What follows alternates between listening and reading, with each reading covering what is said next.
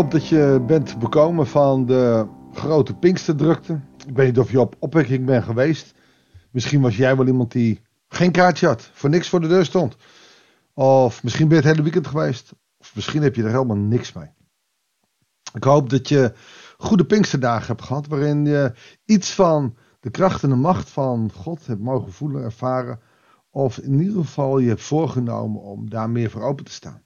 Ik denk dat het op een of andere manier wel heel belangrijk is.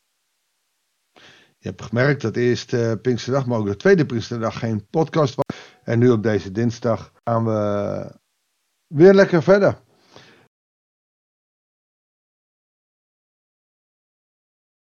Dus, goeiedag, hartelijk welkom bij een nieuwe uitzending van het Bijbelsdagboek. We lezen en we gaan weer, en het is mijn favoriete boek, in Spreuken uh, verder. We lezen een paar dagen en we gaan in ieder geval in Spreuken 23 lezen. En we gaan maar gewoon eens kijken wat we tegenkomen. Je weet dat ik daar uh, geen uh, hobbyist van ben, maar we altijd wel weer weten te laten te verrassen door mooie teksten uit Spreuken. We lezen Spreuken 23 vers 1 tot en met 11. Als je bij een machtig man aan tafel zit Vergeet dan niet wie je voor je hebt. Bedwing je gulzigheid, ook al houd je van een goede maaltijd. Laat je niet verleiden door zo'n lekkernijen, want je wordt erdoor misleid. Stel je voor, je zit dus bij een machtig iemand aan tafel. En die biedt je allerlei lekkernijen aan. Spreuken waarschuwt hiervoor. Kijk uit, hier kan een bedoeling achter zitten. Iemand probeert je te paaien, zodat je wat voor hem gaat doen. Want rijke mensen willen rijker worden. Rijke mensen willen meer, meer, meer. Rijke mensen kunnen zelden zeggen: Ik heb genoeg. En waarschuwt u dus voor dat je door wordt misleid. Ook al hou je nog zo van lekker eten, bedwing je. Want je zou afhankelijk kunnen worden van iemand die zegt: Ja, je hebt bij mij gegeten, je hebt mijn tafel leeg gegeten. Nou zal je ook wat terug moeten doen. Teen erop, vers 4, top jezelf niet af om rijk te worden. Zet dat plan opzij. Want in een oogwenk is je geld verdwenen. Het krijgt vleugels en vliegt weg als een arend. Oftewel, je kan je keihard inzetten om rijk te worden. Het kan het plan van je leven zijn. Desalniettemin kan het dus gebeuren dat of bij je sterven je geld opeens weg is. Of het wordt gestolen. Of het gaat op aan belastingen. Jij hebt er keihard voor gewerkt, maar op een of andere manier heb je het niet meer. Allerlei situaties waarin je moet uitkijken. En deze lijkt het meest op de versen 1 tot en met 3, maar toch weer een andere slag. Want hij zegt ook: ga niet aan tafel bij een gierigaard. Laat je niet verleiden door zijn lekkernijen. Hij is door en door berekend. Hij zegt hij, tas toe, daar meent hij er niets van. Wat hij je voorzet, braak je uit. Je vriendelijke woorden zijn aan hem verspild. Wat hij hiermee bedoelt is dat ook een gierigaard heel gul kan overkomen. Maar dan moet je bij uitkijken. Vaak is er voor hem alleen maar hebzucht en eigen gewin vertoog. En eigenlijk wil hij helemaal niks weggeven, want hij is gierig. En dus wat geeft hij? Hij geeft wat slecht is voor jou. Hij geeft niet wat goed is. Want hij is gierig. Hij wil het goede zelf houden. Het liefst het slechte ook, maar dat kan hij weggeven zodat hij gul overkomt. Oftewel, op een of andere manier, of je nou iemand hebt die rijk is of van gierigheid. Kijk uit. Het heeft allemaal in dit hoofdstuk met rijkdom te maken. Dan zat hij die tussenversen niet. Maar een rijke die, die, die gul is, moet je mee uitkijken. Die kan je afhankelijk maken. Maar een gierigaard, die meent nooit wat hij geeft. En in beide gevallen kan je de dupe worden van wat iemand met jou doet. Spreek niet tegen een dwaas. Hij veracht je verstandige woorden. Wat spreuk doet, is ons laten zien dat je moet uitkijken met wat je doet. Spreek niet tegen een dwaas klinkt natuurlijk raar. Maar mensen die niks met jouw woorden doen, mensen die jouw woorden niet serieus nemen, wat heeft het voor zin om daar veel wijsheid aan door te geven? Je kent ze vast wel. Mensen die ehm, in allerlei kringen heb je. Mensen die niet serieus zijn. Die jouw woorden nooit serieus nemen. En het gebeurt toch nog wel regelmatig dat ik dan zie dat mensen bloedserieus toch proberen het gesprek met haar aan te knopen. Terwijl ze niet willen.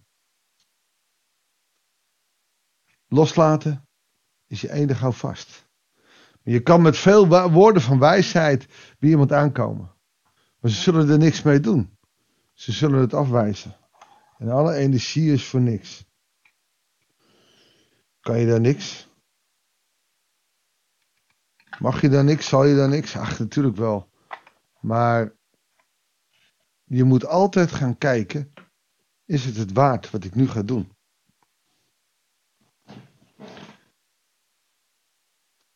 Wees wijs. Dat gaan natuurlijk heel spreuken over. Wees wijs. En dat doet hij ook met, met landgoed. Verleg geen oude grenzen. Schend de akkers van de wezen niet. Want hun beschermer is sterk en zal hun rechten tegen je verdedigen. En dat is natuurlijk. De beschermer is vaak een machtig en sterk man. Maar je zou in wezen hier ook kunnen lezen dat God hun beschermer is. En het is heel makkelijk als je een paar akkers hebt en er is iemand die is een weduwnaar, weduwnaar of, of, of is een wees. Of, en dat je de grenzen verlegt zo van dan is jouw stuk groter. God zal je rechter zijn. En je kan dan nog zo Jezus hebben als een mediator. God is jouw rechter. En dan zal je veroordelen, omdat je gestolen hebt van een wees of van een weduwe. En juist die hele Bijbel gaat erom, om wees en weduwe juist op te richten en niet onderuit te halen. Zorg dat je eerlijk blijft. Kijk uit met wie je omgaat. Je mag met iedereen omgaan, maar verspil geen moeite met mensen die niet goed zijn. Ga rijke mensen niet naar het leven staan en ook niet naar hun woorden spreken, maar doe voorzichtig. Ook als je van alles aanbieden, voor je het weet ben je afhankelijk van ze. Gierigaards, die niks willen geven. Kijk uit. Het gaat mensen die rijk zijn. Vaak om zichzelf. Om het hebben. De hebzucht. En daar mag je en daar moet je niet de, uh, de dupe van willen worden. Kijk dus uit op de mensen om je heen. Kies ze met zorg uit. Wie is jouw vriend? Wie mag jouw vriend zijn?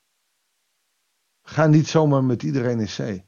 Je mag met iedereen een goed woord hebben, maar, die, maar zorg dat je je vrienden of de mensen met wie je samen verder moet, goed en zorgvuldig uitzoekt. Zullen we daarvoor bidden? Heere God, om ons heen zijn er zoveel mensen die andere motieven hebben. We leven in een wereld waar zoveel egoïsme en zelfzucht is. Waar zoveel het gaat over geluk met geld, en macht met status, met seks. Dat je als christen al gauw voor saai wordt uitgemaakt. Ik moet denken aan die 60, 70.000 mensen op opwekking. Hoeveel mensen hebben het daar goed? Daar mogen ze met elkaar omgaan. Daar is minder dwaasheid, daar is meer wijsheid. Daar kan, daar kan je geloof kwijt. Maar in de maatschappij moeten we soms uitkijken. Om geen palen voor de zwijnen te gooien. God, maar dat is best wel moeilijk. Kijk, het is natuurlijk heel anders, vader, als u ons in ons hart geeft om te evangeliseren. Maar wanneer we wijsheid willen geven aan iemand die dat toch niet wil horen, dan moeten we het stof van onze schoenen af vegen. Heer God, en dat onderscheid is best moeilijk en daarom bidden we, wilt u ons het, de gave van onderscheiding geven. Zodat wij het goede kunnen halen uit de mensen die we zien en om ons heen hebben. Heer, ga met ons mee deze dag. Als we misschien wel vol zijn van Pinkstergeest. En dat we naar de opwekking zijn geweest en nu weer in ons dagelijks bestaan zitten. En dat het eigenlijk best wel weer een kater is. Heer, wie we ook zijn, hoe we het ook doen. Vul ons met uw heilige geest. Zodat ook deze dag en de dagen die komen vol zijn van uw liefde en uw genade. Dat bidden wij u en we danken het u. In Jezus' naam. Amen. Dankjewel voor het luisteren. Ik wens je God zegen. En heel graag tot de volgende uitzending van het Bijbelsdagboek.